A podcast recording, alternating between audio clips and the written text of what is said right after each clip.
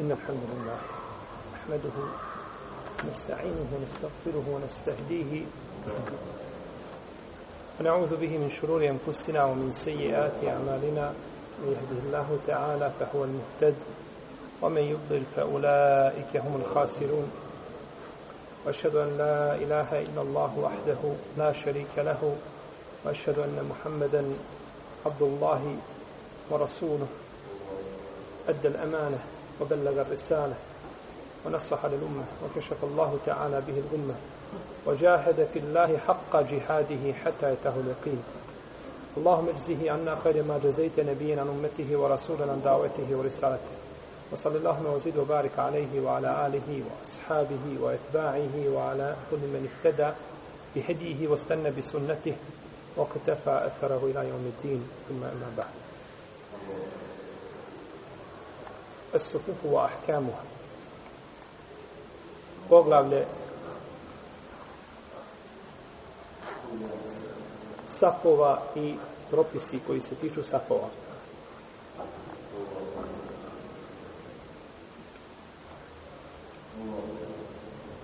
Najbolji safovi ljudi i muškaraca su prvi safovi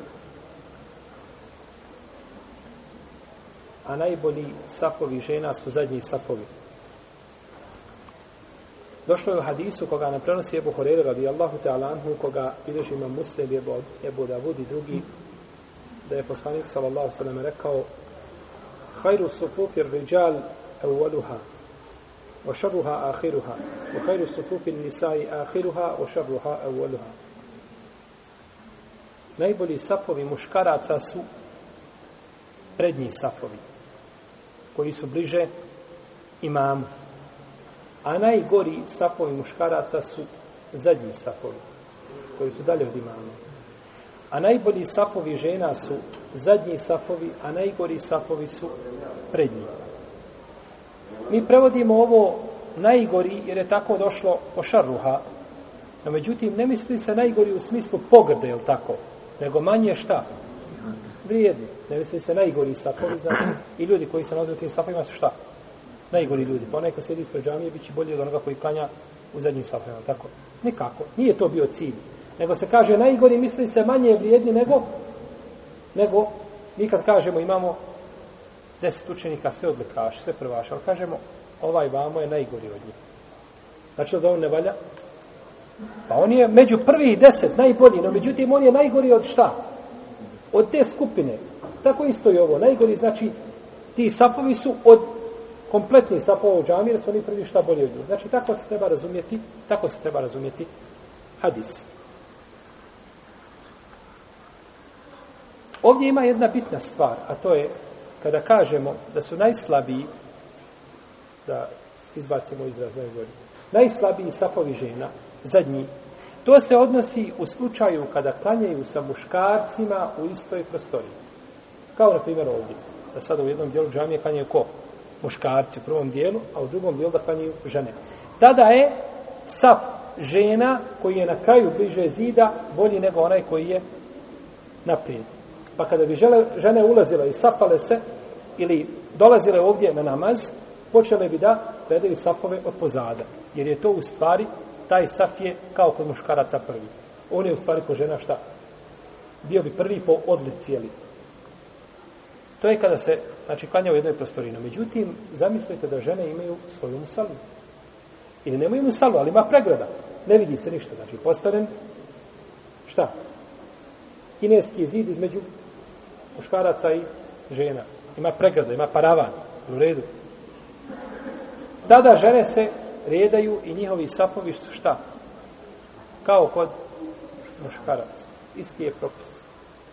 Isti je propis. Znači, žene se redaju i, i tada su safovi žena prvi bolji. Jer nema kontakta sa muškarcima. pa je bitno znači da se napravi ta na primjer žene klanjaju u svojoj musalli ispod ove džami na primjer ispod muške musalle ne vide imama ne vide nikoga kada safon koji se šta? Bolji, kao kod muškaraca. Zbog općenitosti hadisa poslanika, sallallahu alaihi sallam, u kome kaže, inna Allahe wa malaiketehu yusallune ala esufufil uvan. Allah i njegov meleki donose salavate na onima koji klanjaju u prvim safom. Ne misli samo na prvi saf, nego prvi safon. Koji? Jedan, dva, tri, četiri, pet, Možda će deseti saf biti prvi među prvima ako imamo 40 ili 30 safova. Je u redu? Možda će to biti među prvim safovima. Ali se kaže prvi safovi. Znači što se bliže imama, to se bolji. U tom slučaju Allah i njegov meleki donose, donose šta? Salavate, to jeste blagosiljaju klanjače koji se nalaze u tim safovima. A nakon toga nema odlike. Zato izviše Allah blagoslovi za sedam nebesa, nema odlike druge i nema odreke bolje od odreke.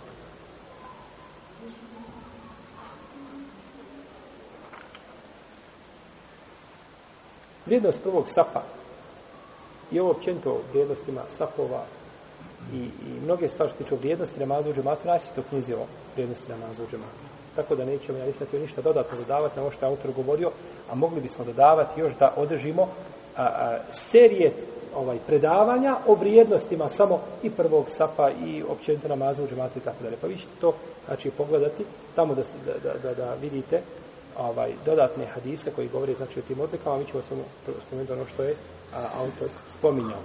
Prvo hadise Ebu Horeira radijallahu ta'ala anhu, njega je u stvari samo spomenuo, kaže se,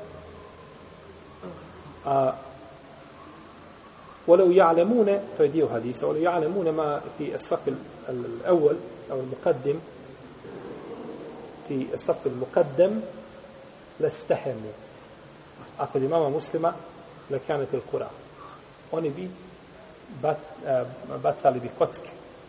Znači, natjecali bi se zašto za prvi sat. Znači, bacanje kocke, to je u šarijetu propisano. Se baci kocka. Ne mora biti kocka, bilo što da se baci. Ona para da se baci, kovanice. I neko uzme jednu stranu, drugo uzme lice ili poleđine, tako. I to je značenje, tako, za prvi, na bilo koji način koji se može stvariti na taj, taj cilj.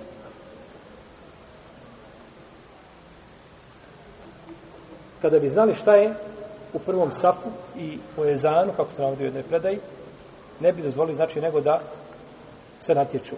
Pa zato vidite dvojicu u safu stoje i šupljina ima praznina ispred njih. I oni se, ovaj, skoro da se ne posveđuju koji će tu ući. U smislu, hajde ti, hajde ti, hajde ti, hajde ti.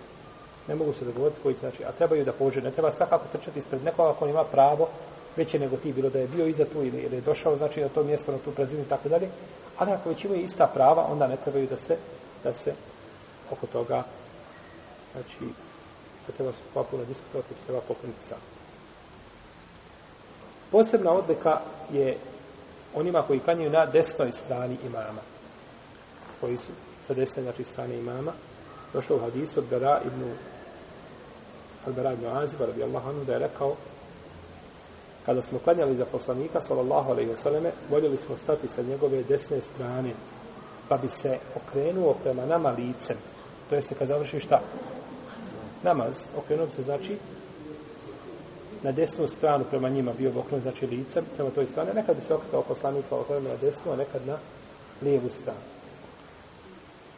I došlo hadisu Ajše radijallahu ta'ala anha, koje kaže da je poslanik sallallahu sallam rekao Inna Allahe wa melaiketahu yusallune ala mejamini sufuf Allah i njegov poslanik donose salavate na klanjače koji klanjaju na desnim stranama.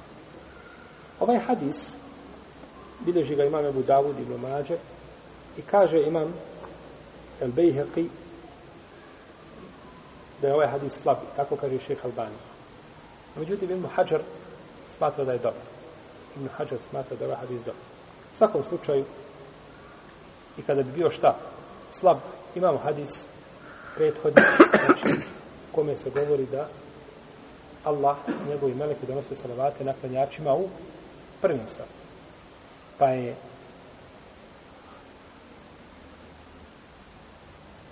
treći sa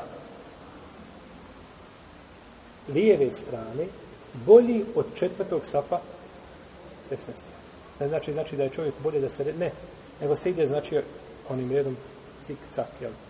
Prvo desna strana, pa lijeva, pa drugi saf desna, pa drugi lijeva, pa treći desna, pa i tako znači. Pa je lijevi Lijeva strana safa ispred bolja od desne strane safa iza njega. I zato kad se ljudi redaju, u saf šeha Albani je odabrao da staje se, jedan staje iza imama i bude na desnoj strani imama. Odma iza imama, ali malo na desno. I onda se drugi redaju i popunjava se desna strana. Pa se onda tek popunjava šta? Radi desne strane. Jer ti dođeš, ima desna, ima lijeva strana. Na desnoj strani više penjača. I veća je nagrada gdje na desnoj, kojim pravom da ide na lijevu stranu? To sad po nekom mjeri estetski, kako je, šta je, to je druga stvar. Međutim, estetika je u čemu? U nagradi. To je najveća estetika u nagradi. Pa tako da, sahabi kažu poslanika, sa osvrme, voljeli smo da klanjamo sa njegove šta? desne strane. Iako ovo nije određeno, kada bi se popunjavalo sa lijeve, neće smetati, no međutim, ovo je jel, jedan od štihada. Ko će klanjati iza imama? Prenosi Ibn Mesaud, a hadis bilježi imam Buharija i bilježi ga neki sabirač sunena kao Ebu Davud imam Tirmizi. Je poslanik sallallahu sallam rekao neka iza mene stanu ulul ahlami von nuha Potom neka se redaju oni koji slede, potom oni koji slede. Ulul Ahlam kaže se da su to pametni ljudi, razumni. U drugoj spredi kaže da su a, punoljetni. U svakom slučaju treba znači da se ljudi po odlikama znači svojim rede iza imama jer će ponekad imam možda biti prinuđen da napusti šta? Namazi, to mjesto imameta, pa će neko trebati da dođe na njegovo mjesto. Pa šta će uraditi, kako će postupiti? Znači, trebaju da budu ljudi koji su učeni, koji poznaju nešto. Pa ćete danas vidjeti, na primjer, kada se panja obično ovaj, u mekanskom haremu, recimo, kada se panja iza imama, staju samo ljudi koji su, znači, ovaj, ne samo hafizi Kur'ana, nego ljudi koji su, znači, u tome pogledu dostavili, dostavili kulminaciju i po pitanju operajeta i tako dalje. Jer ponekad imama treba šta? Upozoriti a ne može to znači činiti, a ne može to činiti svako. Ili imam pogriješi, da zna znači da je pogriješio i slično tome znači da ga upozoriš. Potom da gledaju kako imam planja, pa da se ugledaju u njega i da ljudi koji su iza njih gledaju kako oni to čine, pa isto tako znači okoriste. koriste. Zato je poslanik sa Allahom je volio kako je došlo kod Ibnu Mađe i Ahmeda sa vjerodostanim lancem prenosilaca da je za njega stoje muhađir i ensari. Znači ljudi koji su znači ovaj dio jeli, ovaj, savladali i mogli su znači da budu uzor drugi. Kaže Kajs ime Obrad Klanjao sam jedne prilike u džami u prvom safu, a bio je dječak Pa me je, kaže, čovjek povukao iz sapa, izvukao me. I kaže, stao na moje mjesto. Te vallahi ma akaltu salati. Kaže, i nisam, kaže, više nakon toga znao ni šta sam klanjao, ni kako sam klanjao. Kaže, pa kada se je završio namaz, vidio sam da je to bio u Bejbnu Pa je rekao, kaže, dječače, Nemoj, kaže, smatrati ovo sebi kao poniženje. Ovo smo, kaže, naučili od poslanika, sallallahu alaihi wa sallam. Naučili smo ne to da šta povlačimo djecu, nego da mi stojimo iza njega. On je bio izada blizu imama, a nije mu tu bilo mjesto, pa ga je ovaj povukao. Šta kaže dječak? Nisam nakon toga više znao kako klanjam, što znači da je taj dječak znao za svoj namaz i za skrušenost i za, no međutim u ovome momentu kada ga izvukao sve je šta? Sve je pobrkao. Jesi. Pa je, znači ovo je dokaz, postupak Bejmu Kjaba dokaza, trebaju da su ljudi da staju za imama koji su ovaj, adekvatni, da zamijene imama ili da ga upozore, ili da ljudi se ugledaju na njih kako se klanja i slično, slično tome.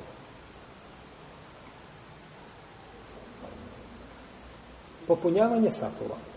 Prvo se popunjavaju prvi safovi. Radi hadisa Enesa ibn Malika, u kome je poslanik sa Osirom kaže, a bilježe ga imame Nesaj i Ebu Davud, kaže, etimu saf el awel thumme ledi li. Kaže, potpunite prvo, prvi saf, potom onaj koji slijedi. Wa in kjane naksun, fel jekun fi safil muahir. A ako bude nešto od krnjavosti i nepotpunosti, neka to bude u zadnjem safu. Znači, pa se potpunjava, potpunjavaju prvi safovi na račun zadnjih, ili prvi saf na račun zadnjih saf. Kaže Džabir mu Semure, radi Allah, anhu, došao nam jednog dana poslanik, salalav sveme, pa je rekao, zar se nećete safati u namazu kao što se meleki safaju pred svojim gospodarom? Pa smo rekli, Allahu poslaniče, a kako se to meleki sapaju pred svojim gospodarom? Kako se redaju sapove? Kaže, popunjavaju a prvo prednje sapove, potom ih ravnaju i zbijaju. Tako se meleki ravnaju pred svojim gospodarom. Obaveza je popuniti sapove radi brojnih hadisa koji se spominju u sunetu poslanika sallallahu alaihi wa sallam. Prvo, hadis Nu'mana ibn Bešira radijallahu ta'ala anhuma, koga smo spominjali u kome je poslanik sa osvrame kaže, da to se vune sufufekum, au ne juhalifen Allahu vejne uđuhikum, ili ćete upotpunjavati vaše namaze, ili će Allah razjediniti vaša lica. To jeste, izazvat će među vama mržnju i neprijateljstvo, a razjedinjavanje lica, to je spoljašnje razjedinjavanje koje vuče za sobom razjedinjavanje čega? Srce. To je neminovno. To je neminovno. I došlo u hadisu Ibn Mesauda, pojašnjenje tome, kod imama muslima i drugih, kaže se, ili ćete uh, iste u vola tahtelifu, poravnajte stafovi, nemojte se razilaziti, pe tahtelife kulubukum, da vam se srce ne bi razišlo. Pa imam pod razjedinjavanjem lica, misli se na razjedinjavanje srca. Razjedinjavanje srca. I od danas jedno nalika se prenosi da je poslanik s.a.v. rekao, kako bilježe Buharija i muslim, potpunite, kaže, sapove, ja vas vidim iza mojih leđa. Vidim vas iza mojih leđa kada klanjate. Ovo je bilo a, specifično poslaniku, sallallahu sallam, da je vidio iza svojih leđa šta se dešava i tu u namazu. Samo. Nemamo dokaza da je to mimo čega. Mimo namaza. Kaže, inni arakum min voraj vahri iza rakatum i iza seđatum. Ja vas vidim iza mojih leđa kada učinite ruku i srđu. Poravnavajte dobro namazi. Pa je to bila odlika koja ne znam da je data drugom poslaniku, mimo našeg poslanika, sa osvijem da vidi i za sebe ono što se dešava, ali ovo je bilo znači, specifično za, za nas. Yes. Kaže, da li je Enes jedan bi od nas pribio ili bi spojio rame sa ramenom svoga brata i svoje stopalo sa njegovim stopalom. Pa je ovo razumijevanje A, a sa, on je rekao, poslanik, sa sam je rekao, spojite ramena i stopala. Je rekao, je rekao, spojite stopalo. Nije. Ali rekao, šta? Poravnajte i zbijte safo. I ashabi su to razumijeli, kako se zbiju safo. A poslanik, sa sam je vidio iza svojih leđa, kako su safo i šta? Zbijeni. Je tako? Jer neko kaže, ovo je čtihada sahaba, poslanik to nije naredio, sa vama sam. Je tako? Jel da ne naredio? Nije. On je naredio općenito da safovi šta? zbiju, ali nije naredio da se spoji stopalo u stopalo. Međutim, ashabi su tako razumjeli i tako su ga praktikovali, poslanik s.a.v. je vidio iza svojih leđa šta se radi i to im šta? Odobrio. Prešutao i to se smatra sunnetom. Iako neki učenjaci, poput šeha Bekra i Buzejda, rahimahullahu ta'ala, opajjebe therahu,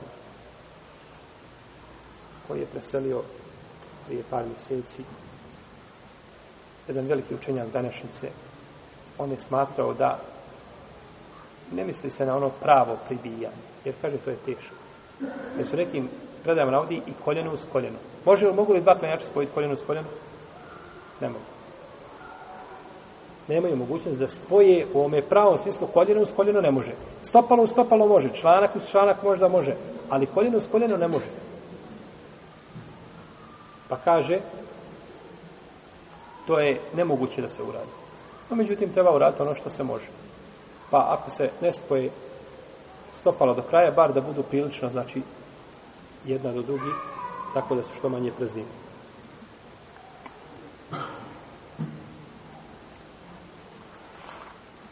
I došlo u hadisu od Denesa ibn Malika da poslanik sa osrame kaže ponavnavajte safove, izbijite ih Znači, nemojte praviti veliki razmak između sapova. I kaže, poravnajte vaše bratove u sapu. Znači, da nije niko istoran naprijed ili ovaj da kasni za sapom. Kaže, ja vidim šetana kako ulazi u praznine između sapova. I došlo u hadisu Ibn Omara, koga prenosi je Budavud sa dobrim lancem prenosilaca da je poslanik Salao Sadama rekao upotpunite safove i poravnajte vaša ramena. Pod poravnavanjem vratova misli se šta? Poravnaj ramena. Dok ramena poravnaš, poravno si vrat. Kada vrat poravnao, ne bi ramena, opet ramena bio i šta? Opet se ona poravnala se, jel? Osudul halel i upotpunite praznine u safu. Walinu bejne ejdi ihvanikum. I kaže, budite nježni prema svojoj braći koji su sa vama. Pogledajte, braći. Kako je šerijat savršen? Zbijite safove, ali budite nježni šta prema svojoj braći. Ima ljudi u safu demonstriraju svoju silu. Allah mu dao malo snage i on kad uđe u safu, on je jezijetio trojicu sa desne i trojicu sa lijeve strane. Da ne govorimo kad ide na ruku i ka širi ruku i na sešti i tako dalje, ovaj, osjetiš sve da njegov mišić, je tako? Gdje su ti od riječi linu bejne ejdi hvanikum? Lin u arapskom je nešto blago, mekahne. Budite mekahne, budite blagi, budite nježni, pa vam vraćaju sam. Upotpunite saf, izbijte saf, ali Ako malo si zakasnio sa sežde, kada se dižeš, nemoj se dizati brzo, jer saf je zbijen. Nego se polako digni i vratiš se na svoje mjesto. Neš uzemljiti ni jednog ni drugog, ako se već okasnio. Ako oni idu zajedno sa imamom, ti nemoj, no međutim kada se vraćaš, nemoj ezijetiti šta. Klanjače koji su u safu. Jer najveći mu sivite da čovjek ezijeti čovjeka koji je u džami, a da ne govorimo o klanjaču. Koji sjedi u džami, a da ne kažemo koji klanjač. Pa je ova riječ u alinu bejne ejdi i hvanikom jako bitna i to često imami kažu kada poravnavaju safove u arapskom svijetu. Spomenu ovaj dio hadisa. Spomenu ovaj dio hadisa. Pa imamo ovdje dvije oprešnosti. Imamo čovjeka kome kad uđeš u saf i dok malo ostidemo je tijesno, roba iziđe iz safa. To je greška. Safovi trebaju da se zbijeni. Ti se malo strpi. A imamo drugu skupinu koja uđe Znači, i, i na silu hoće ući u saf i kad uđe onda ezijeti druge i to nije ispravno. Pa je Allahova vjera sredina između dvije krajnosti. I nemojte, kaže, ostavljati praznine za šeitan. Nemojte ostavljati praznine za šeitana.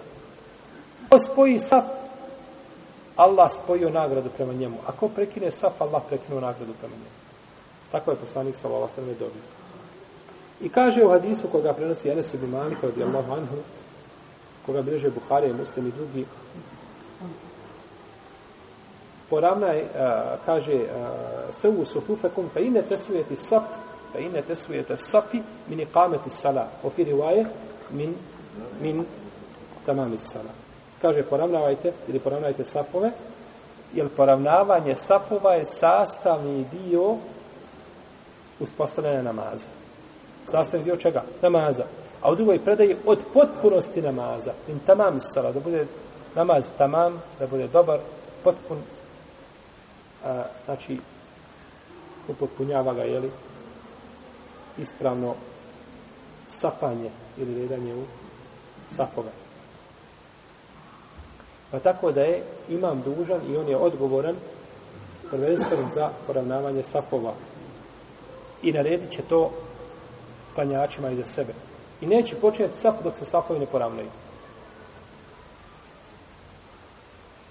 Pa imami ne trebaju da gledaju na džemat. Da li to nekome odgovara što ćeš ti zakasniti 20 sekunda što poravnaš safo ili pola minuta ne odgovara. To nije više imamom izbor, niti izbor muktedije. To je Allahova naredba. Naredba njegovog poslanika, sa osrme, on ne govori po svojim prohtjevima. Pa ti si dužan da poravnaš safove i da poravnaš i da si od početka ravnao i da naučiš ljude da nećeš da počneš saf, neće da počneš namaz dok ne poravnaš safove, svi bi šta? Ravnali safove. Jer neće početi sa namazom dok safove ne budu poravnane. Tako da imam to mora znači preuzeti obavezu i zadužiti ljude kao što je Omar radijallahu ta'ala anhu a prenosi nam Ibn Omar da je Omar tako redao ljude znači da bi zadužio ljude da pregledaju znači safove da vide da li safovi poravnani i bio sam od jednog sam šeha panio od učenika a, a, šeha Albanija koji u džami imam znači kada poravna safove kada poravnaju safove on sobom prolazi od safa do safa 10-15 safa svaki stav stane kod njega i pogleda i svakog čovjeka popravi i tek nakon toga se vrati kaže proučite i kam znači ne počinje namaz dok ne bude svaki saf taman to uzelo 10 minuta safovi se moraju šta poravnati. U islamu je disciplina i red. Najveća disciplina u islamu u svakom pogledu. Paz, ne smiješ kasniti za imamom puno, ne smiješ predsati imamom.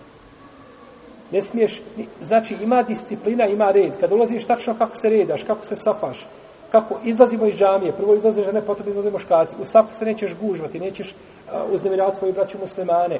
Kad učiš Kur'an, nećeš i omet sve disciplina u islamu. Ništa nije u islamu, samo radi da se radi. E tako isto je po pitanju ravnanja sapova. I ljudi se mogu to lahko naučiti. Znači, lahko je to, no, međutim, samo treba malo više ovaj truda ili malo više ovaj pažnje od imama da ljude naviknu, znači da se sapaju i može se, jer poslanik sa osrame kaže da je, da je e, neravnanje sapova jedan od razloga razivljenja naših šta? Srca. Pa može biti jedan od razloga što su danas naša srca razjedinjena da da je, jeli, razlog tome to što ljudi teravnaju safove kako treba. Kaže Imam Neuvi, ako čovjek dođe, a saf koji je ispred njega popunjen je, on će ispred njega je saf popunjen. A saf ispred toga ima neke preznina. Kaže, može proći da probije taj jednostavno saf i da prođe gdje, da popuni tu prazninu. Jer oti koji su iza, oni su krivi što nisu prešli i popunili šta? Tu, tu prazninu.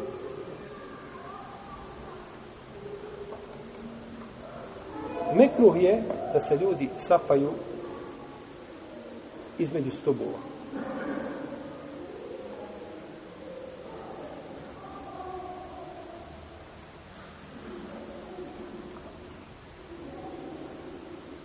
Kaže Al-Humeid Ibn Mahmud Klanjao sam sa Enesom Ibn Malikom radijallahu anhu petkom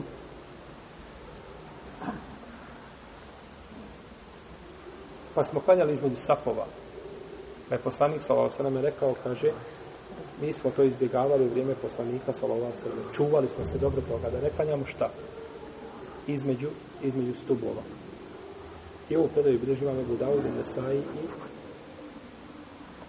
ona je ispravna inša Allah prava. I došlo je u predaju Moavije i Mumurre radi Allahu Anu njegovog oca da je rekao spriječavani smo da klanjamo između stubova u vrijeme poslanika sallallahu alaihi wa sallam. I bili smo tjerani od stubova da bježimo da bježimo od njih.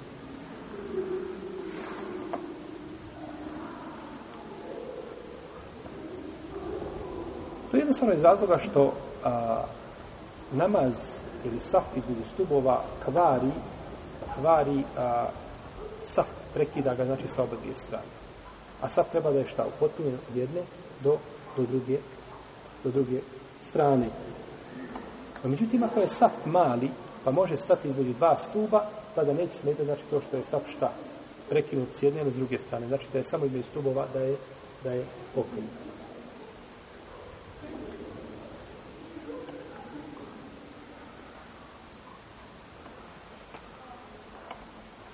Neki su učenjaci dozvolili da se panja između safova, taman bili prekinuti sa, a, da se panja prosim iz stubova, taman bili prekinuti s jedne ili s druge strane, kažu zato što nema jasnog argumenta koji to šta brani.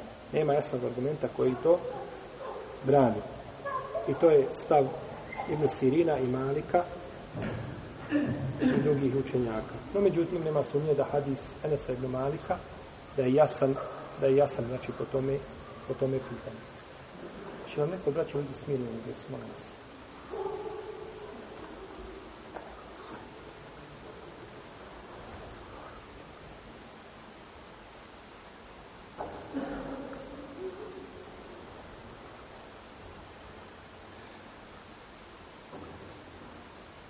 braća ovdje, čija su ovo djeca, treba i voditi računa o tome braći.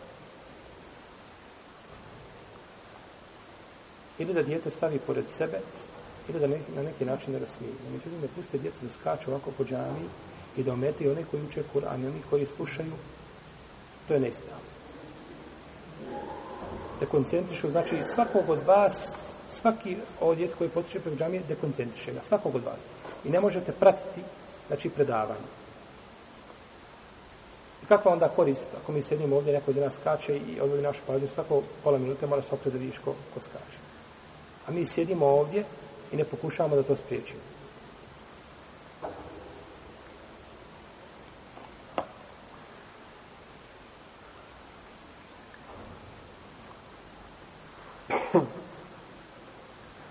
Što se tiče namaza imama između stubova i namaza klanjača pojedinačni između stubova, to nije mekru.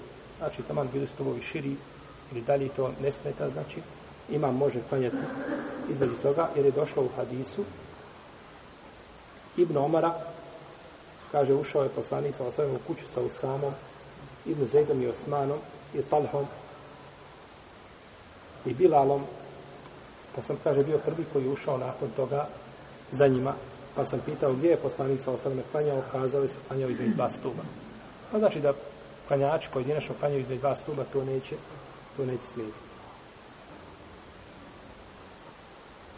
Klanja, e, namaz e, jednog e, klanjača iza sapa. Znači čovjek dođe sam i klanja gdje iza safa. Osnova je da se ljudi redaju safom. Safovi budu zbijeni, kao što smo kazali.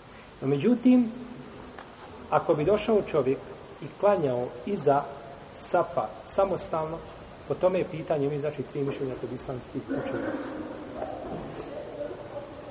Prvo mišljenje je da takav namaz nije ispravan. Da takav namaz nije ispravan. To je stavi mama Ahmeda i to je stavi Ishaqa, Ibrahima i Nehaija, Ibnu Ebi Šejbe, Ibnu Munzira. Zbog hadisa Alija Ibn Shayban radijallahu anhu kome kaže izišao je poslanik sa osrme jednog dana i klanjao nam pa kada je završio namaz vidio je da čovjeka koji stoji sam iza safa pa je stao pred njega i rekao počni namaz iz početka ne vrijedi namaz čovjeku samom iza safa i ovaj hadis bilježi Ibn Mađi ima Mahmed i on je vjerodostojen isto tako hadis Vasi da ibn Mabeda ili Vabisa Vabisa ibn Mabeda Mabeda Vabisa ibn Mabeda u kome se navodi da je poslanik sa osrme vidio čovjeka koji je klanjao sam za safa pa je rekao ponovi namaz pa mu je rekao ponovi namaz ovo su Allah dva različita događaja koja prenose dva različita sahaba a postoji mogućnost da bude jedan događaj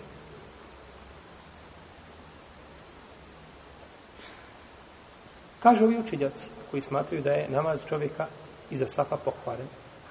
Ne bi poslanik, salalala srame, naredio da on šta? Ponovi namaz, da mu je namaz bio ispravan. Ne bi naredio, znači, dok mu je naredio ponavljanje, znači da ukazuje nam ispravnost namaza. Drugo mišljenje je da je takav namaz nekru. Da je takav namaz nekru. I ovo je stav Ebu Hanife, i Malika, i Uzaje, i Šafije. I to dokazuje hadisom Ebu Bekra, koji je ušao u džamiju i zatekao poslanika sa osleme na ruku. Pa je učinio ruku prije nego što je došao gdje u saf. Potom je prišao saf. Počeo je svoj namaz van saf. I klanjao je jedan dio namaza van safa. Pa mu poslanik sa osleme nije naredio da ponovi namaz, nego je rekao Zadik Allahu hirsan, wa la ta'ud. Allah povećao tvoju brižnost. Nemoj to ponavljati. Nemoj se više vrata učiniš tako nešto.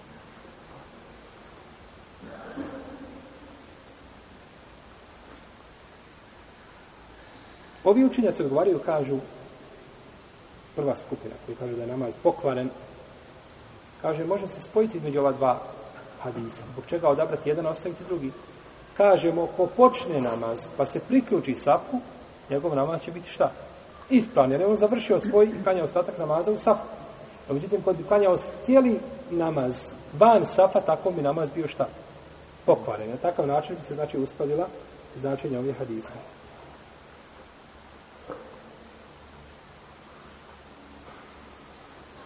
Isto tako hadis Ibn Abbasa, kada je klanjao sa poslanikom, sa Lavasarame, u kome se navodi da je stao na lijevu stranu. Pa ga je poslanik, sa Lavasarame, prevukao na desnu on je prelazio iza njegovih šta? Leđa. Jer jedan dio namaza Ibn Abbas bio bez mimo safa. Test, taj dio što je bio iza leđa, kaže, bio je mimo safa, dok nije došao na desnu stranu safa. No, međutim, a, odgovor bio kao i na prvi slučaj. Jer je počeo šta? namaz tu u safu, pa je ostao jedan kratki period bez safa, pa se ponovo priključio, on je preči da mu namaz bude ispravan nego ko? Ebu Bekra, je tako, koji je počeo u osnovi saf mimo, posle počeo namaz mimo, mimo saf. Kažu ovi učenjaci koji kažu da je namaz ispravan, ali je mekru, kažu da je to mekru ako se radi bez uzora i opravdanja, kažu riječi poslanika, sallallahu alaihi wa sallame, nema namaza, onaj ko klanja sam iza safa, kaže, odnose se na potpunost namaza. Znači, nema potpunog namaza. Kao ko nema namaza, onaj ko čuje jezan, ako se šta ne odazove. Govorili smo o tome hadisu, ali to hadisa su riječi Ibn Abbasi.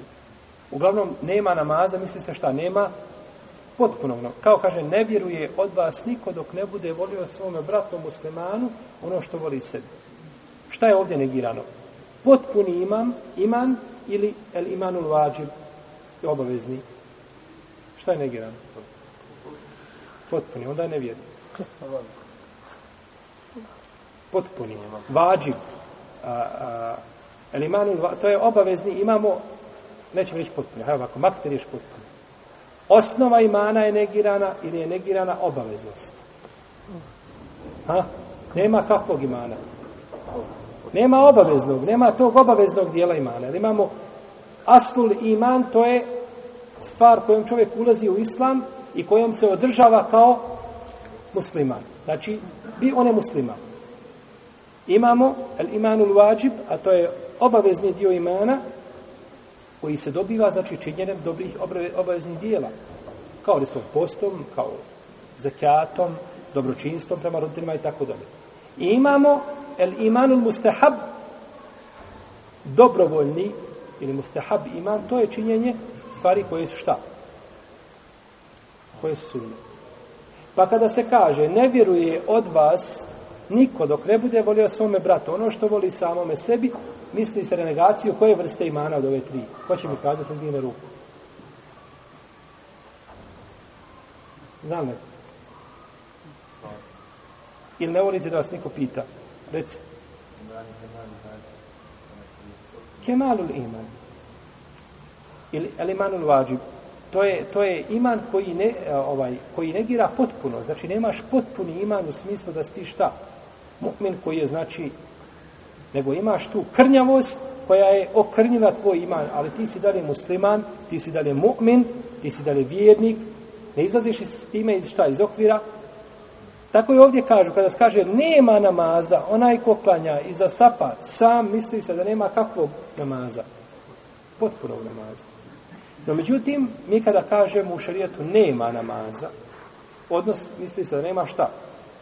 Osnov namaza, tako. Ne vrijedi namaz. A moramo imati dokaz koji ukazuje da se ovim htjela negacija čega? Potpunosti namaza. Jer jasno? Možda je malo zapetljano. Vidim face nekako ste mi ovaj tmurni. Bojim se da niste razumijeli dobro. Reci. Brate, pa, da li to vrijedi isto sa eh, hadisom gdje se kaže eh, nije, eh, nije od nas onaj koji nas stvara? Baš ta. Isto. Nije od nas u smislu. Nije od, od, od te odabrane broje skupine muslimana. Ne misli se nije od nas u smislu. Ili da kažemo nije od nas u tome segmentu. U segmentu povjerenja i iskrenosti. I emaneta nisi od nas a u osnovi od imana islama je sve odnos, u redu. Znači u tome segmentu nije od nas. Ko vara, nije od nas. Tako da ovaj negacija može biti negacija ispravnosti osnove. Pa kažemo, nemaš namaza. Znači da je tvoj namaz šta? Bate, pokvaren, moraš ga ponoviti. U redu.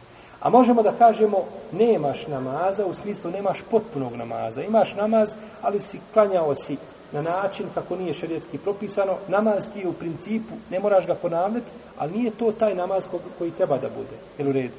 E ovdje kada se kaže nema namaza ko klanja sam iza safa, prva skupina učenjaka smatraju taj dio namaza negacijom čega? Negacijom osnove. Nema nikako. U osnovi nema šta. Druga skupina koja kaže da je to mekru, oni, oni tepsili ovaj hadis, nemaš namaza, ne girajući njegovu šta? Potpunost. Imaš namaz, ali nije potpun. E mi sada kažemo. Stvari kaže učenja se koji govori. Kada dođe u širetu negacija, nema namaza ko učini tako i tako. Da li to treba razumjeti? Nema potpunosti ili nema a, u osnovi namaza? Nema u osnovi namaza. Znači, namaz u osnovi nije šta? Nije vrijedan. Ako kažeš potpunost samo, moraš imati šta? Dokaz koji cilja, koji ukazuje šta na potpunost. To je jedno. Dokaza nema. Druga stvar, mi imamo argument koji vama nikako ne ide u prilog. A to je što je poslanik sa osvrme naredio da se taj namaz šta? Ponovi. Jer da je namaz bio ispravan, da je krnjavost bila, rekao bi mu, nemoj to više, kao što je Ebu Bekru. Je li bilo ispravno ono što je Ebu Bekra uradio? Nije. Ali bi rekao, Allah ti koje će obliznost, nemoj više. Tako bi rekao i ovome, Allah ti koje će obliznost, nemaš potpunog namaza, ali nemoj više, jer ti ne smiješ isti namaz u jednom danu ponoviti šta? To što je zabrana kod imama Nesaije u hadisu. Pa da je namaz bio ispravan, ne bi mu poslanik, sam sam naredio šta? Ponavljanje. Je li jasno sad?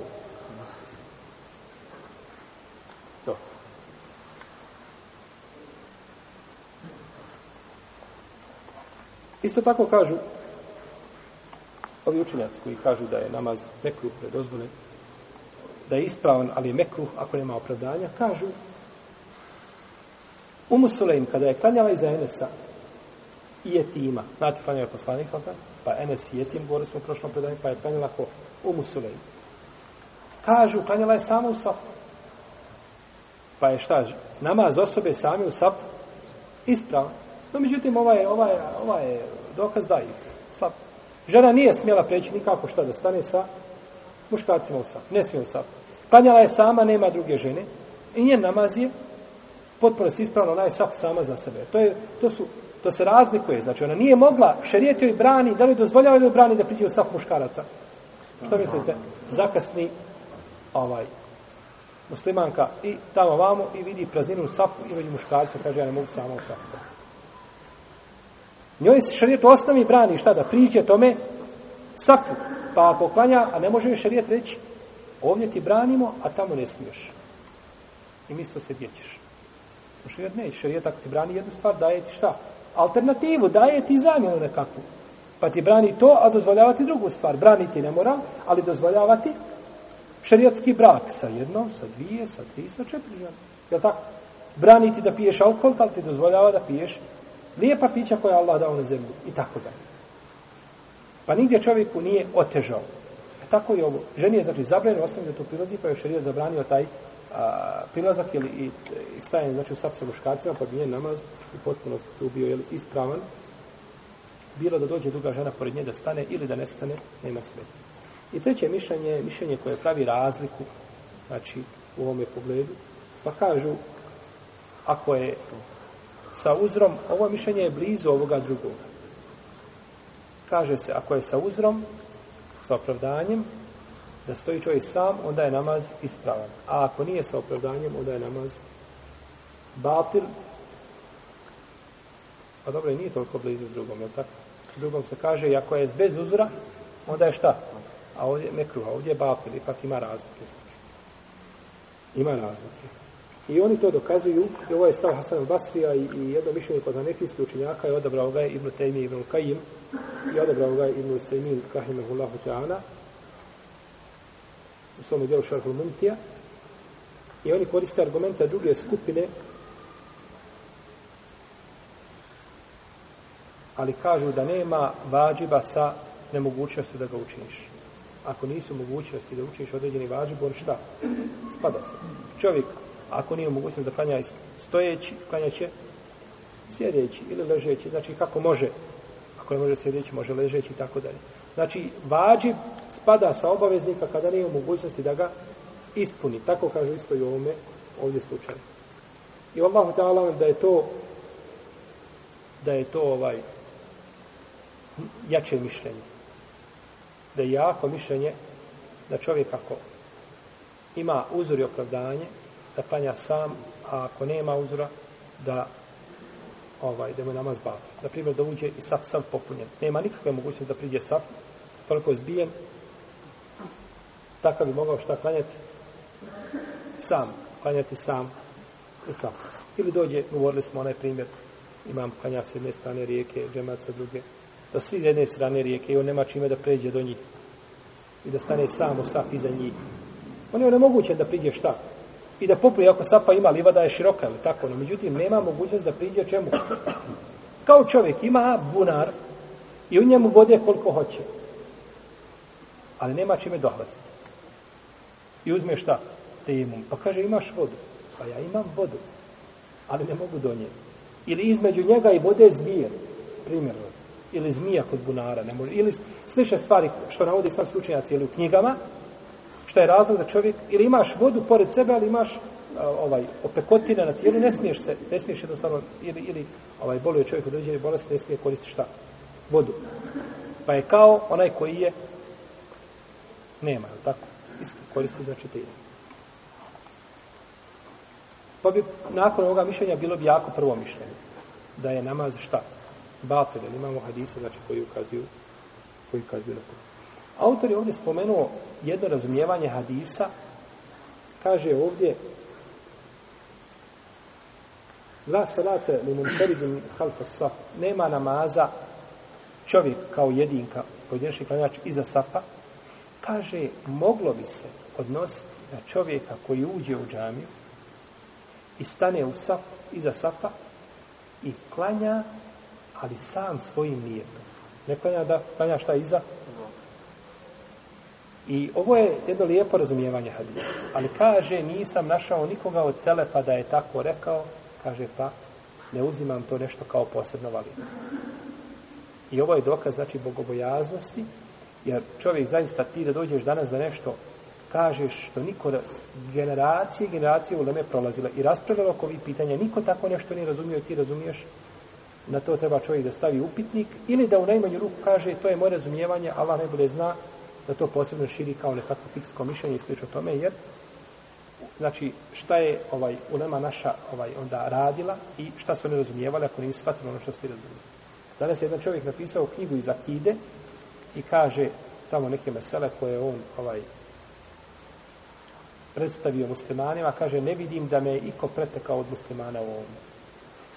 Znači pitanja Akajda, on je prvi u, jeli, našoj ovoj u našem stoljeću koji je to ovaj, pojasnio muslimanima i svi oni 14 stoljeća muslimani su znači lebdili ni na nebu ni na zemlji bar po neki, ne u osnovi akide nikako ne to ali po određenim pitanjima akide muslimani nisu bili znači na džadi nego je on sad došao da to pojasni muslimanima i da im kaže kako treba da vjeruju to je musibet takom bar kaže kako kaže arapski primjer eh, kaže izad tulitum festetiru kad Allah nečim iskuša bar se prikri koji se samo davati Ako si iskušan već takvim jednim razmišljanjem, onda bar prikri to u sebi, a nemoj, nemoj to iznositi javno pred ljudi. Jer čovjek, ne može danas doći čovjek po pitanjima koja su vezana za ibadete, klasične, sa novim mišljenjima. To svakom neka, mora svakom to biti jasno. Imamo tri mišljenja po pitanju određene stvari. Ne možeš ti danas doći sa četvrtim mišljenjem. To je nemoguće tri mišljenja i od ta tri mišljenja možeš dajeti argumente šta je došlo odabrati. Drugo je pitanje danas stvari koja se pojavila u naše vrijeme. Pitanje dionica, pitanje ovoga, pitanje onoga. Ima ulema pravo da i čtihadi i svako koja alim i koja mučtehidi može doći sa novim mišljenjem da smatra to dokaže jer zato nema šta jasnog širijetskog teksta. No, međutim, za pitanja klasični ibadeta koja je bila poznata vrijeme naših selefa, da čovjek dođe sa novim mišljenjem, to je musibet. Jer svako novo mišljenje znači šta? Negiranje ispravnosti drugog mišljenja ili preferiranje tog mišljenja. Znači to što ste odabrao je jače od onoga što je bilo kroz 14 stoljeća. Pa to je nemoguće. To bi bilo znači nemoguće i hiljade i, i milioni islamskih učenjaka koji su prolazili znači da su bili nemarni prema tome ili da nisu razumijeli ili da Allah tebe počastio nečim što će mi nije počastio.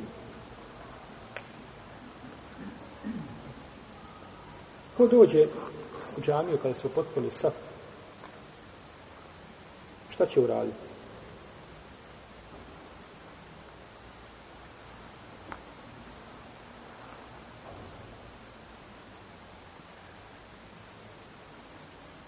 Čovjek treba izbjegavati, znači da klanja samo saf koliko može, s svojim mogućnostima, a ako ga, znači, ako bude prisiljen da klanja sam, da će šalotana njegov namaz biti ispravan. Prvo što ću raditi kada dođe je pokušat će naći znači, prazninu sa. Ako može pristupiti, pristupit će znači, u tu prazninu.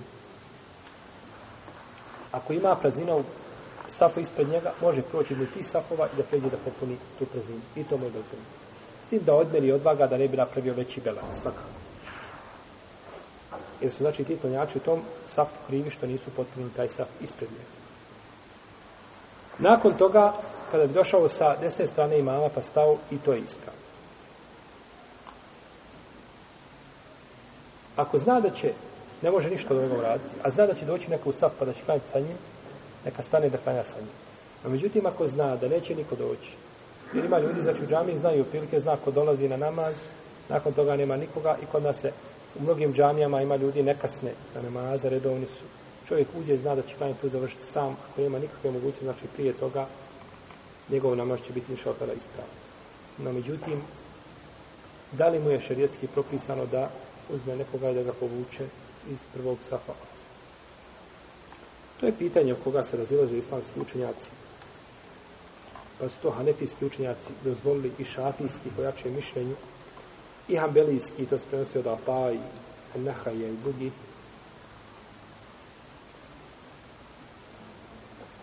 a šafije spominju da je obavezno, znači, vodite računa o tome da se ne zove time fitret, znači, dok se čini taj postupak. Dok je to zabranio,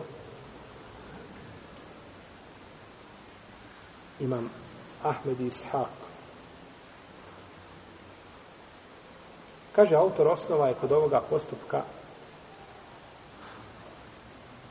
hadis u Bejegnu Kjaba, njegov postupak kojim je povukao onoga dječaka iz Safa kažu doga je poukao. Znači on je njega poukao i stao šta na njegovo mjesto. To se dešava. Meni jedan čovjek pričao, kaže, bio sam u haremu, keabi, kaže, ja stao tako. I čovjek me kaže po ramenu, dotaknu, znaš, kad dotakne do ramenu, znaš, kaže, ja se vratio nazad, on stade, kaže, na moje mjesto. I ja sam, kaže, ostao sam, sapu da klanju. I to se dešava. Kaže, ostao je ovaj, ovaj postupak ubija Ibn Kjaba.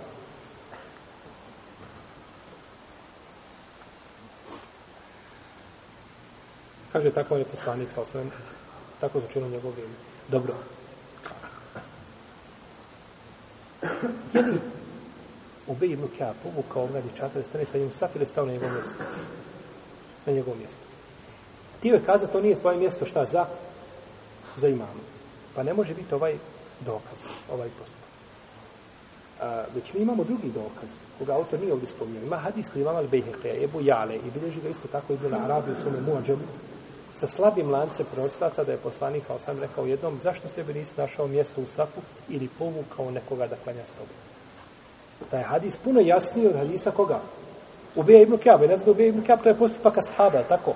Dobro, kaže se ovako smo naučili u vreme poslanika sallallahu alejhi to je možda bi moglo biti da ima hukm rafa da se veže za poslanika sallallahu alejhi ve no međutim hadis bejhe je puno jasni ali on daji s jedne strane i kosi se sa druge strane sa vjerodostajnim argumentima koji govore znači o potpunjavanju koji govore o potpunjavanju safova imam Malik je zabranio da se neko povuče nazad znači da se neko povuče iz safa nazad nego kaže klanja će sam a onaj koga povuče neće mu se pokoriti onaj koga povuče neće mu se pokoriti i to se prenosi od Euzaje i odobro je to mišljenje šehova samim Tejmije i kada je u pitanju povlačenje nazad, tu ima skupina negativnosti. Prvo, time dekoncentrišeš i dobro dekoncentrišeš onoga koga si povukao nazad. To s jedne strane. S druge strane, ti si toga čovjeka vratio iz boljeg safa u onaj koji je manje šta? Prijedan. Ja sam žulio, dođem u prvi safa. I ti zakasnio, i zbog tebe što ti zakasnije ja se trebam vrat nazad da klanjam u drugom sam. A ja došao da klanjam na tom, tom prvom sam. Treća stvar, a, tu se otvara praznina u safu. Ti prve šta, praznina u safu. A poslanik vam kaže, وصل الله من وصل السفر وقطع الله من قطع السفر الله سبوي ناغر لتمان ميكو سبوي سفر الله نجيرو ili Allah e, prekinuo ili ili ovaj umanjio nadu da neko prekine sa. Pa je ovdje čovjek spojio ili je prekinuo sa? Prekinuo, znači dok si povukao nazad, kada pa ti isprekinuo, ti isprekinuo sa. Isto tako u ovome postupku je problem za cijeli saf. Jer ako na sredini safa kada bi ostavio prazninu, ljudi će se povlačiti jedan po jedan, je tako za stranu. Do zadnjeg, dok ta praznina ne bude negdje na kraju safa. Pa je u svakom pogledu, znači, ovaj postupak problematičan. ja za mene prilike otišao sam. Klanjam u noj džami, u bič, gore.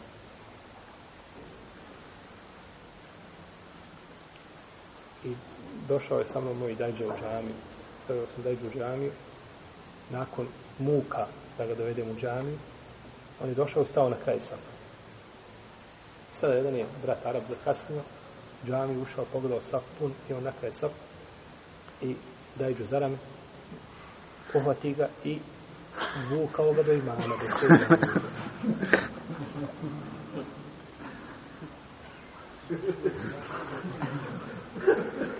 I imam, desno se tako da imam učio na akšamu džuzi. znači, došao je imam jedan iz Egipta i učio je na Akšamu džuz cijeli. Znači, tako je bio. Znači, učio ga je do predjaci u prilike. Akšam kanjao. I kad smo završili namaz, kaže meni, taj džuz, kaže, sve razumijem. Ali kaže, što me kaže, uze i onako me kaže, dignu na rame, kaže, i uče me, kaže, u sredu imamo. I kaže, I još kad stane onda pričepi tvoju nogu sa svojom nogom da mu ne pogineš. to je pogrdno. Znači, našto tako da se vuče čovjek sa sapa, sa kraja sapa, da se vuče do... Čovjek ne zna propis. Taj čovjek koga si došao vučeš, on nikad za to nije čuo. Uzmi u našu džamiju, testiraj koliko ljudi čulo da se može neko, da ima mišljenje kod islamskih učenjaka, da se može šta povući, pa čak da ima mišljenje u hanefijskoj pravnoj školi. Koliko je to ljudi čulo?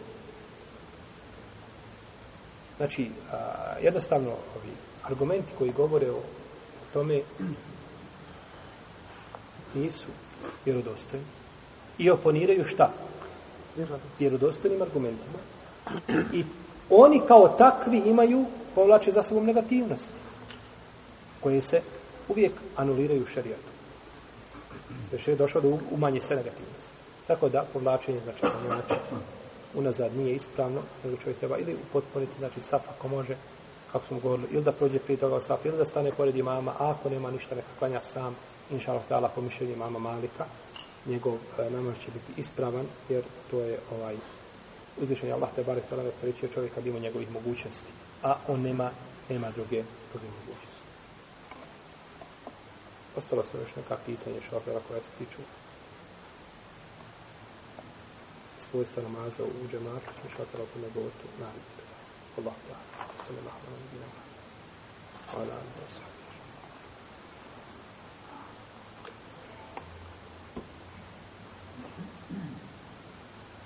Kadijaci. Ima vaš još dosta. Da li je dozvoljeno ako čovjek uđe u meščit i zatekne znači prazan sav, znači ispunje do kraja. A na krajima safova se nalaze djeca koja nisu, znači uzrastom dužna da objavljaju namaz. Da li je dozvoljeno to djete prihvatiti u ruku ili izvući safa i zauzeti njegovo mjesto?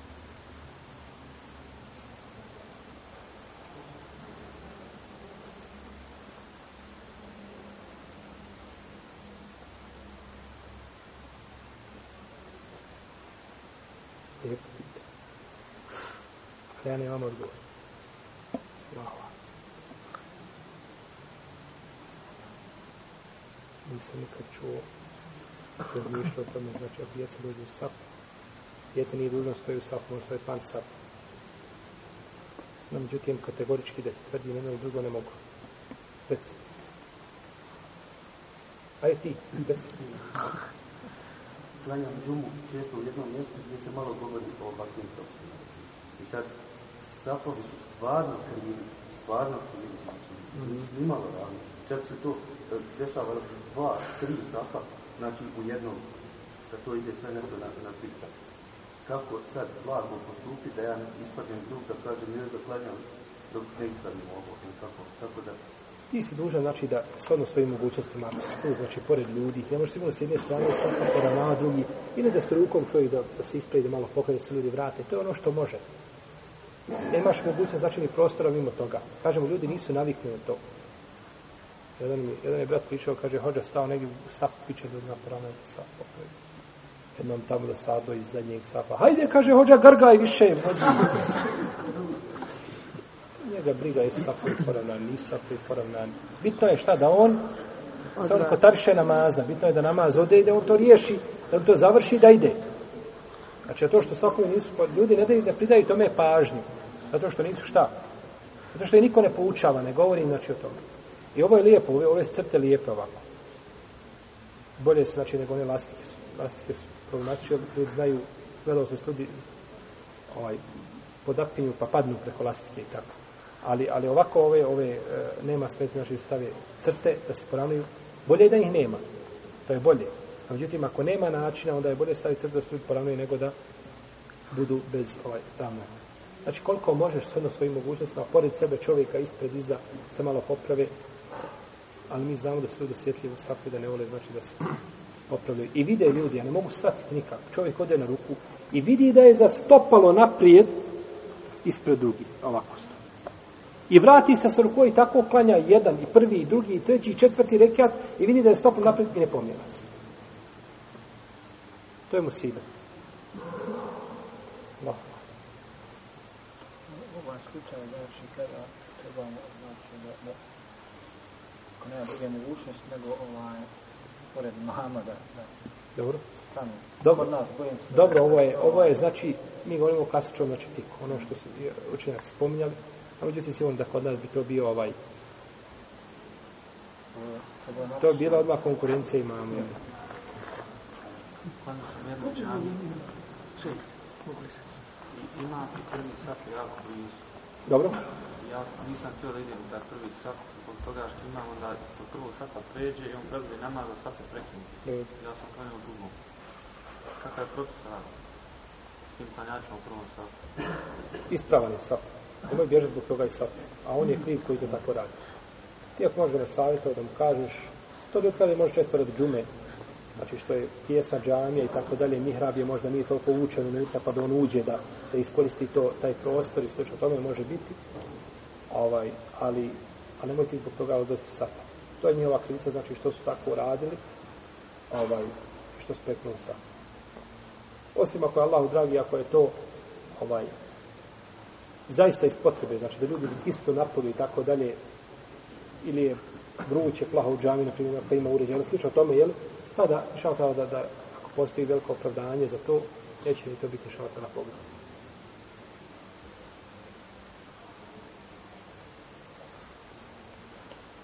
Ako je istan ovo še, to što se ne razčeva na Bajram na nas, ako je ono kaj zabavljan se sveći, je ono kaj zabavljan na Bajram.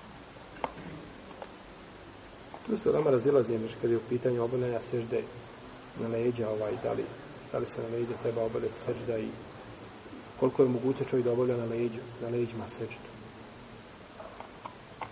To više dolazi čovjek na stražni dio tijela gdje nije ispravno.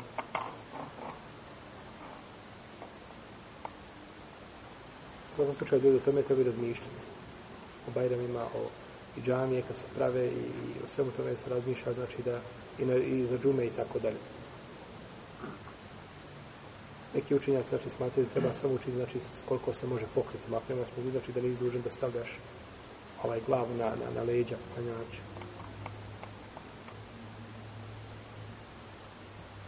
mislim da je to meo šejh Semir da je to me pisao nešto ali u sapu ili gdje gdje je bilo to me ili on, on, možda u pogled tamo u riznici kako se zove uh, pisar iz riznice islamskog prava profesor Dragulje se. Vidite u draguljima da nađete uznak se što od dragulja. Možda pitanje ne vezalo za tim. Inače, kod nas je bio braći odgovor kod neke naših šehova, bio put samo kaže, on te kaže, kod imu te imi u petama imaš odgovor, dalje. Ti dođeš, imu te ima 36 tomova, 37 tomova fetvi. Kad ih pogledaš, teško ti pregledat, samo s kraja na kraj. Ode ili staš i da traži gdje je fetva. Tako da je dobro ponekad čovjek da kad ima pitanje nek ono knjiga što ima nek traži nek lista nek gleda. Ako ne nađe onda nek dođe šta. Jer čovjek se nauči a, to je malo lijenčarenje. Najlakše je nazvati upiti i još kad nazove upitati im kažeš pa vidi ima ovaj hadis kaže znaš šta je ne zanima to mene može ili ne može. znači da ne to je ono čisto trgovinski. Jel? Može li niže šta ne može da ja idem traži dalje? Pa sačkaj, vidi argo, ne može to tek tako, situacija nije uvijek, jer ti kaže odgovori mi sada i ne.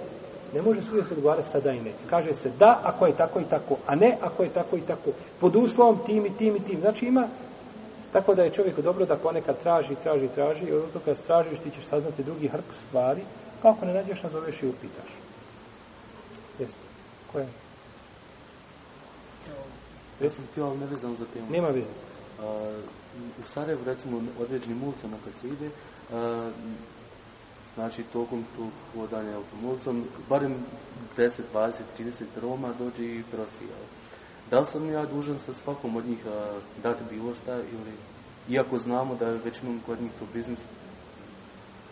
Ti ako dadneš ovaj ti ako dadneš njima imaš nagradu sadake ti imaš nagradu sadaka. Jer došlo je u hadisma, znači da čovjek je udjelio čovjek koji je kradljivac, koji je nemoralni. Čak se navodio od neke uleme da su ovaj, davali ljudima, mislim da je to bio Sufjan, da je dao čovjeku jedne prilike 200 ovih dirhema sadaka. I kaže, ljudi, ti si njemu dao 200 dirhema sadaka, kaže, a on jede prženo meso, a ti prženog mesa nisi vidio možda godinu dana. Kaže, stvarno? Kaže, pa je. Kaže, kako sam grešku napravio? Kaže, trebao sam mu dati više. Jer kaže, čovjek koji je naučio da jede prženo meso, šta on sebi kaže, može kupiti za 200 dirhama od mesa, ništa. Trebao sam mu dati više, kaže, da se može najesti bar. Ti imaš nagradu ako dadneš. No, međutim, ovaj, pitanje Roma je ovaj, zaista, zaista ovaj, diskutabilno. Ja ne bih posjećao nikoga da im pomaže, da im daje. Nije stvar u tome što njemu dadeš 10 ili 20 penija ili pola marka ili marka. Stvar je u tome što ga, što ga podržavaš u tome. Jer zašto oni prose? Zato što imaju... I zašto dolaze da prose ovdje u Sarajevo? Ili zašto idu na neke predjele gdje su ljudi malo žešći? Gdje, gdje, molim? Ljudi gdje su znači malo oštri poput naših ovih okrajaka.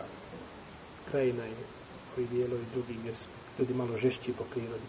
Što ne idu tamo da Nema ih tamo. Znači dolaze tamo gdje znaju gdje će ljudi i koriste njihovu šta. Čovjeka treba pomoć. Ali ti mora sad da ne možeš biti parazit i da ne možeš živjeti da uzeš to, to, to sebi kao biznis i prosiš, znači imaš desetero, petnestero djece i rasporediš ih po onim a, po raskršćima i onda samo odeš pokupiš i dovedeš zamjenu jer toga ima i ovaj, Tako da je, da je, bojim se da je u tome njihovo pozticanje. Jer, jer, zašto ljudi nema gore da prose na zapad? Odite zapadom, prijete se uzduži popijekom. U zadnje vrijeme ja sam primijetio da dođu u Rumuni i da sjede pred, pred trgovinom i prose. I to, to ćeš možda vidjeti u, u godini dana dva ili tri slučaja. Niko drugi ne prose. Ne samo zato što gore ima sirotinje ljudi, gora sirotinje nego ovdje. Pojela ga i kamata i država i sve.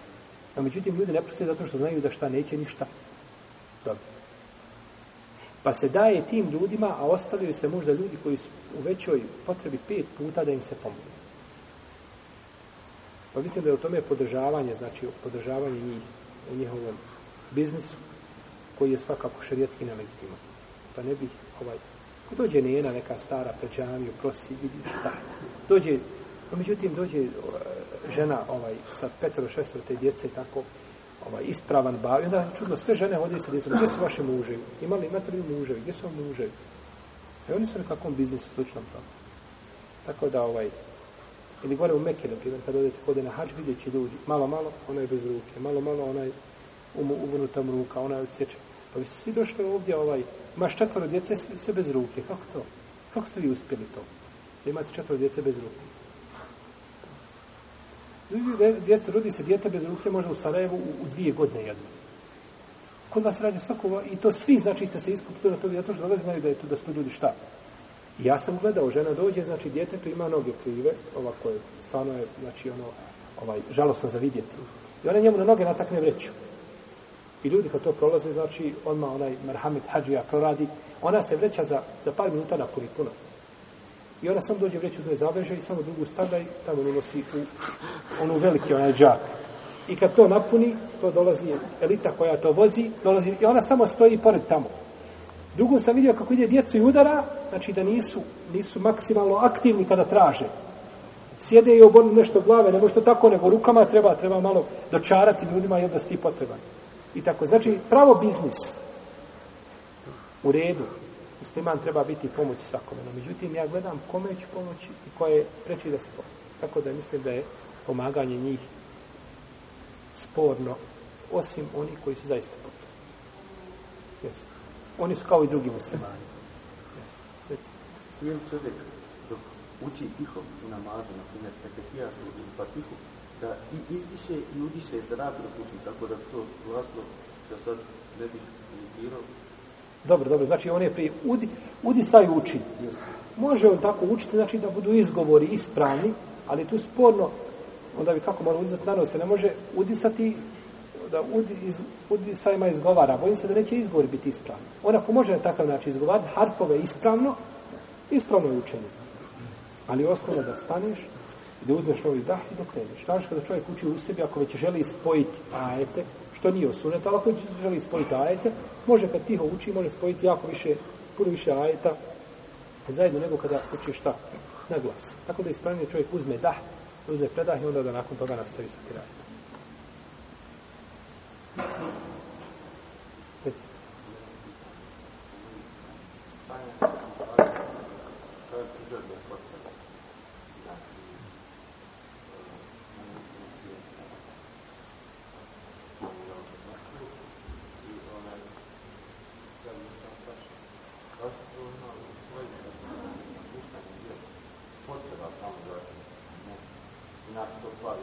mi smo govorili, znači, o tome pitanje, znači, kada čovjeka ovaj, pritiši jedna dvije potrebe da treba prvo obaviti se ušku potrebu na doći namaz. A klanja tako, to mu je meklu. A može biti haram. Može biti haram u slučaju da čovjek ne zna ni šta uči, ni toliko se znači pritiče i toliko se suzdržava da ne zna ni šta uči, ni kako klanja, to mu je haram. Ista stvar, nema to veze, znači spomenuto je ova jedna od dvije potrebe, to je ista stvar, znači čovjeka koji ima potrebu. Šerijat je dao prednost hrani nad namazom ovaj, e, u džematu. Radi toga čovjek ne bi u namazu da mu ne bi razmišljao o hrani. Tako da. Rec. Pa znači, e, znači ovaj, sve što je došlo samo halal malo. Ovaj, e, određena stvar u šerijatu je došla. Gleda se iz kog razloga je to došlo. I sve što liči njoj je šta? I slično tome. Vino je zabrajeno zato što opija. Pa opija i sve druge piće koje opija. I opija, jel tako? Pa je znači isti propis. S te strane. Pa gledam, znači određa, zabranjeno je da u džami dolaziš da sijeo luk i crveni ili bijeli. Zašto? Zato što ezijetiš konjače sa neprijatnim mirisom. Dobro, čarape radio je tri dana i nismijenjao. I došao u džami u njima.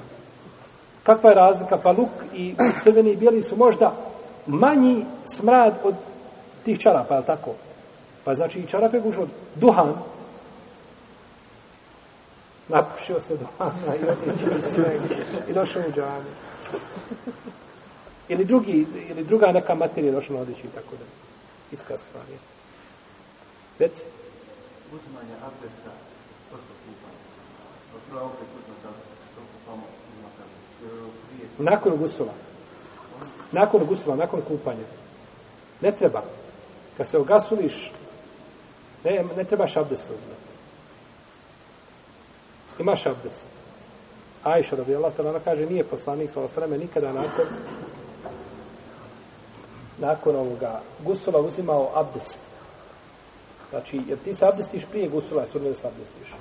Prvo se zanijeti gusul, pa se pere stidno mjesto, pa se nakon toga uzme abdest, kao što su ne abdest za namaz, sve se abdesti, i onda nakon toga sapereš drugi dio tijela i ne diraš stidno mjesto, drugi put i nakon toga ne trebaš uzvati abdest jer imaš već abdest. Od gusova. Gusova je još veći od abdest. Jesi? Se razumio? Da.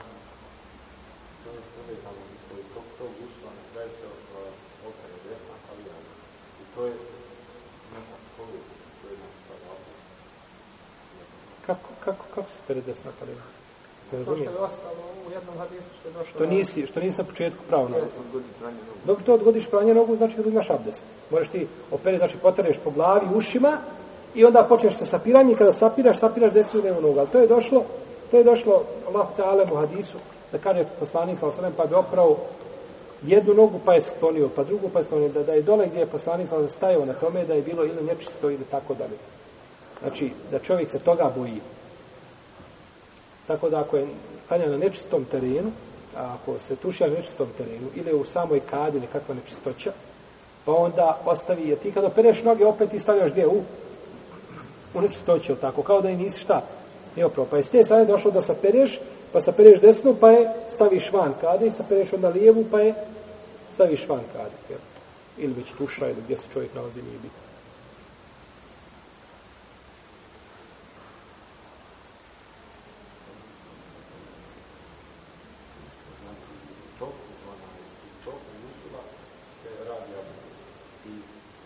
ne u toku gusula, prije gusula.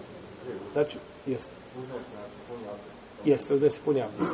I onda se sapere, znači prvo se zanijeti gusul, mora biti nijet. Potom se pere stidno mjesto, potom se abdesti insan, počne pranjem šaka, spiranjem usta, nosa, lica, ruku, potrebanjem glave, pranjem nogu i nakon toga se pere cijelo tijelo, medira stidno mjesto. I nakon toga znači ima abdest. Sve, znači. ona, ukoliko bi izostavio skroz abdest, taj prije gusula, opet bi imao abdest posle. Imao bi opet abdest. Inša Allah, tada da bi imao, jer niko osim Ebu Seura nije rekao da je, da je uzmanje abdesta prije gusula važi. Tako da je uzmanje abdesta prije gusula sunnet, a ostavljanje sunneta ne bi se pokvario, ne bi se pokvario abdest. No, međutim, preče je, to jedino dolazi do, do, do pitanja šta? Poredak. Čovjek bi zatrčao se iskočio u rijeku, a nije tio abdest gusul. Bili mu abdest? bi imao abdest. Imao bi abdest. Ako iziđe iz lige. Ako uspije iziđe. Imao bi abdest, ali nema poredka. Jel u redu? Nema poredka. Pravo je ruke prije čega? Prije lica. Tako, kad ovako skoči, odeš u ruku vodu prije čega? Prije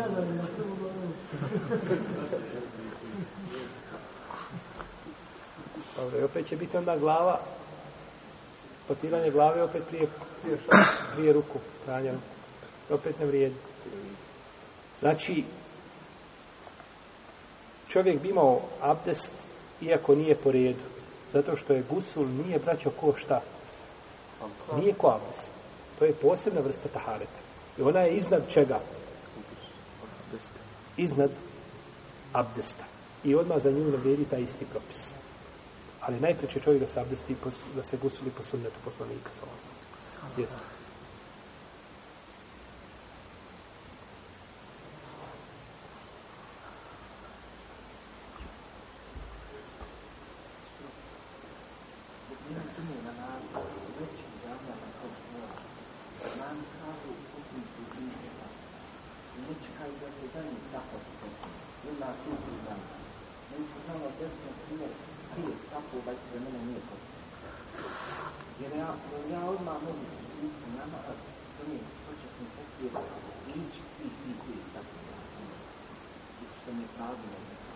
bolje ti ako vidiš negdje prazninu, priđi pa popuni sad. Neće se Bog da nije. Ti si izgubio vrijedno, izgubio spočin tekvi zbog čega? Zbog toga što se igrao, zabavljao, zato što si da popuniš i, i za korist namaza. Korist namaza. Tako da ti nećeš, jer čovjek koji je stari u namazi sada da korača tako u namazu, dok je to je, ovaj, to samo radi, znači čovjek se zatekne već pa ispred njega praznina pa pređe. No, međutim, ovaj, spravnije čovjeku da dođe jer Ebu Bekra kada je došao učinio ruku mimo, mimo safa ti kad učiniš ti kad dođeš i klanjaš u safu pazi imaš ispred sebe prazninu i možeš preći nije ti ispravno da počinje s namazom dok ne popuniš na tu prazninu tako da čovjek znači ovaj prvo popuni ono neka prođe dok ne može pa nakon toga ako se ukaže praznina korak korak Znači da čovjek stane kod jednog stuba i onda da prolazi napred 5-6 stafova, znači tako sve u namazu, to nije ispravno.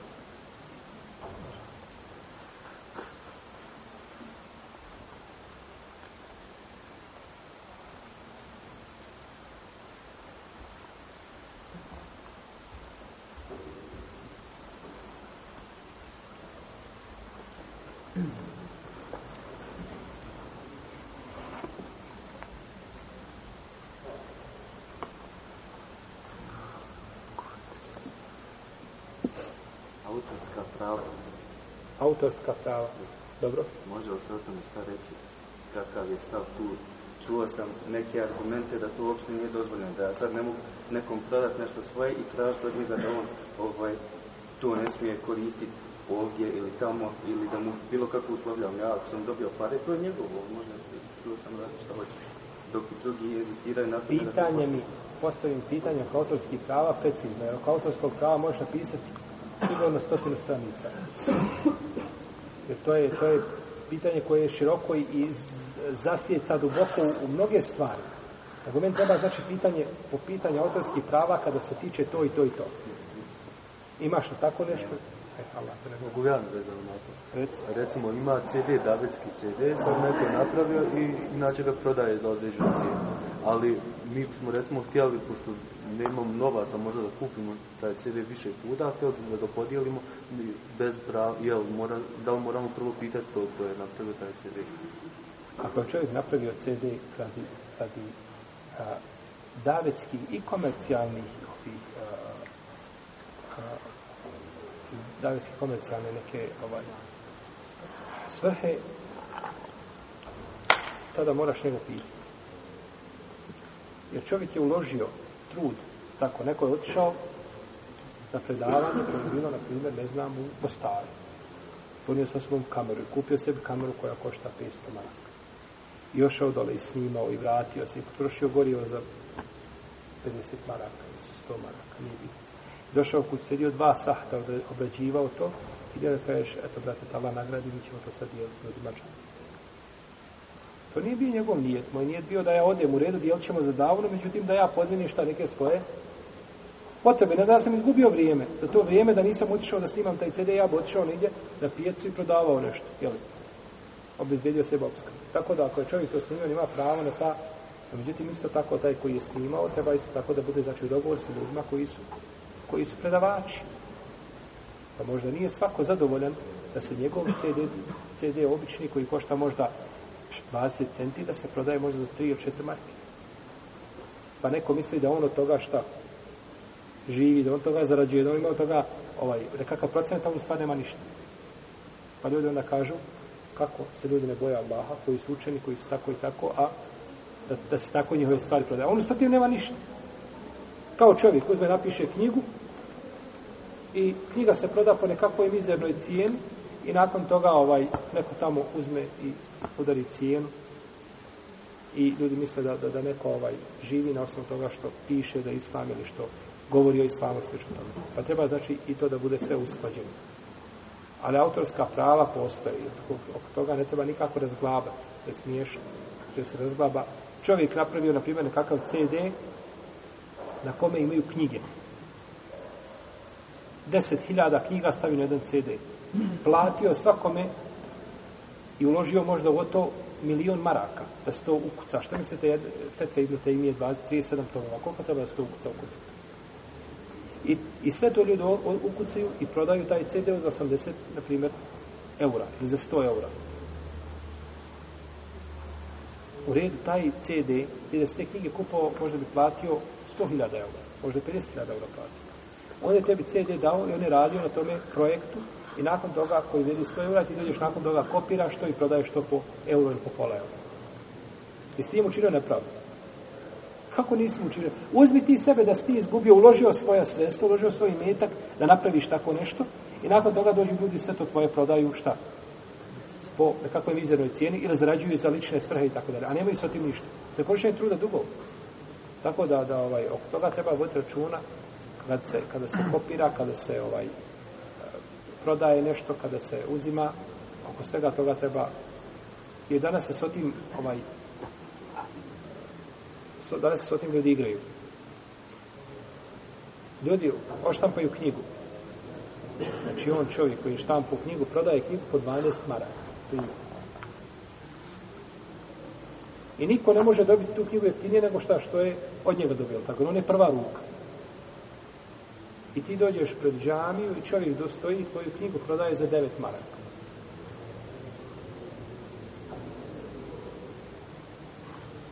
Malo prodaja na, na 9 maraka. A veliko prodaja kod tebe je bila na 12. Kako ti možeš prodavati tu knjigu za 3 marke jeftinije nego što se može dobiti od autora? Možeš, zato što ona je tamo štamparine za oštampa 2000, oštampa 3000, tako? i ti došao i on ti to dao po duploj cijen i ti opet zaradiš tri marke i autor nakon toga nema ništa. Ili u islamskom svijetu knjiga prvo izdanje i autor dobije za jedno izdanje, na primjer, šta ja znam, 1000 eura, primjerno. I dogovoreno za svako izdanje se dobiva po 1000 eura. I ovi štampaju 13 puta uvijek prvo izdanje. Znači, ti ga zakinuo, jer uvijek tvojih knjiga, prvo izdanje oštampano 5000 komada. Šta je 5000 komada? Na Saudijsku Arabiju, na Kuvajt, na Jordan, na Siriju, na Egipat, na ne znam, uh, Alžir, na, šta je 5000 komada? Ništa. To je sitnica, znači, to je nešto mizerno. I štampa se 10 puta, 20 puta po 5000 komada, uvijek je prvo izdanje, i ti tako guliš autor i uzvaš njegov pravo. Znači, imaju prava. Nema veze što je knjiga islamska, što je knjiga šarijatska i tako dalje, što je CD šarijatski, od toga treba voditi računa, upitati čovjeka da li se može nešto kopirati i, i da li se može s otim znači, raditi u, u ove e, e komercijalne svrhe naročito. Yes. Šta ako nađemo knjige koje su znači, besplatne, možemo li ih Kako su besplatne? Na internetu skinuješ fetve i butenje, znači za dvije minute i sad izbužiš na CD i prodaš za pet maraka. Jer to ima. Može se. To je ako su tamo negdje džaba i da ti skineš što je tvoj trud uložen i kopiranje i donošenje, nije svaku stranu da kopira, da to nađe i tako, to je tvoj trud. No, pa međutim, ovaj, treba gledati da se tu ne, ovaj, ne budu sad kakve astronomske cijene, da se ljudi, kod ljudi ne znaju da to ima, i ti je došao sad da to iskoristiš. I ti što, što smo prekopirao za, za minutu, ti smo uzeo deset maraka. Znači, ne bi trebalo biti tako nešto. Ali da čovjek zaradi i da ima od toga nekakvu zaradu, nisi prihvala. Čovjek. Čovjek nađe pare. Ne može da sad naći. Dobro. Čovjek nađe pare, ako nađe meta koji se onako ne traži nikada šarijatski, vrijednost je takva koju niko neće tražiti, ne gledati ili je izgubio, to može uzeti za sebe. A i meta koji nađeš, koji je u šarijatu, koji je tražen po običanom pravu ljudi, vodu dara zružan da obavještavaš. Ako ne nađeš čije pare, te tvoje su. Znači, uvijek konkretno 10 mara. Znači, čak i da naše uslove Vas iš u džami. Ti imaš pravo da to zadržiš, imaš pravo da daješ ko se, ako daješ ko se daku, on će imati nagradu sedakije vlasnika, ti ćeš imati nagradu onoga koji prenosi sedaku.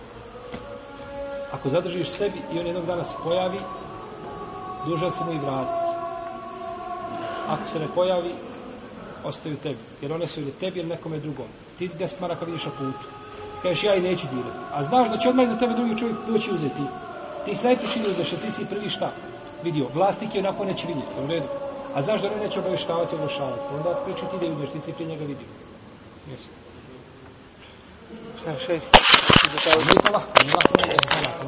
Ja sam našao jedan čovjek od 50 mara i kolega je da isto se dobre ovaj 20, tako se dobre pa nisam se ne drža. A šta će to u velikom gradu, ko će objaviti? to bi se stvori, svi javili. Nama se stvori kada bi dvojica u jednom momentu vidjela pare. Ha. Čije su? To se spoje. Neki kažu ono koji prvi neki kažu ono koji prvi uzeo. Znači, to o tih sintigama raspravljaju o tim pitanima. A šta je,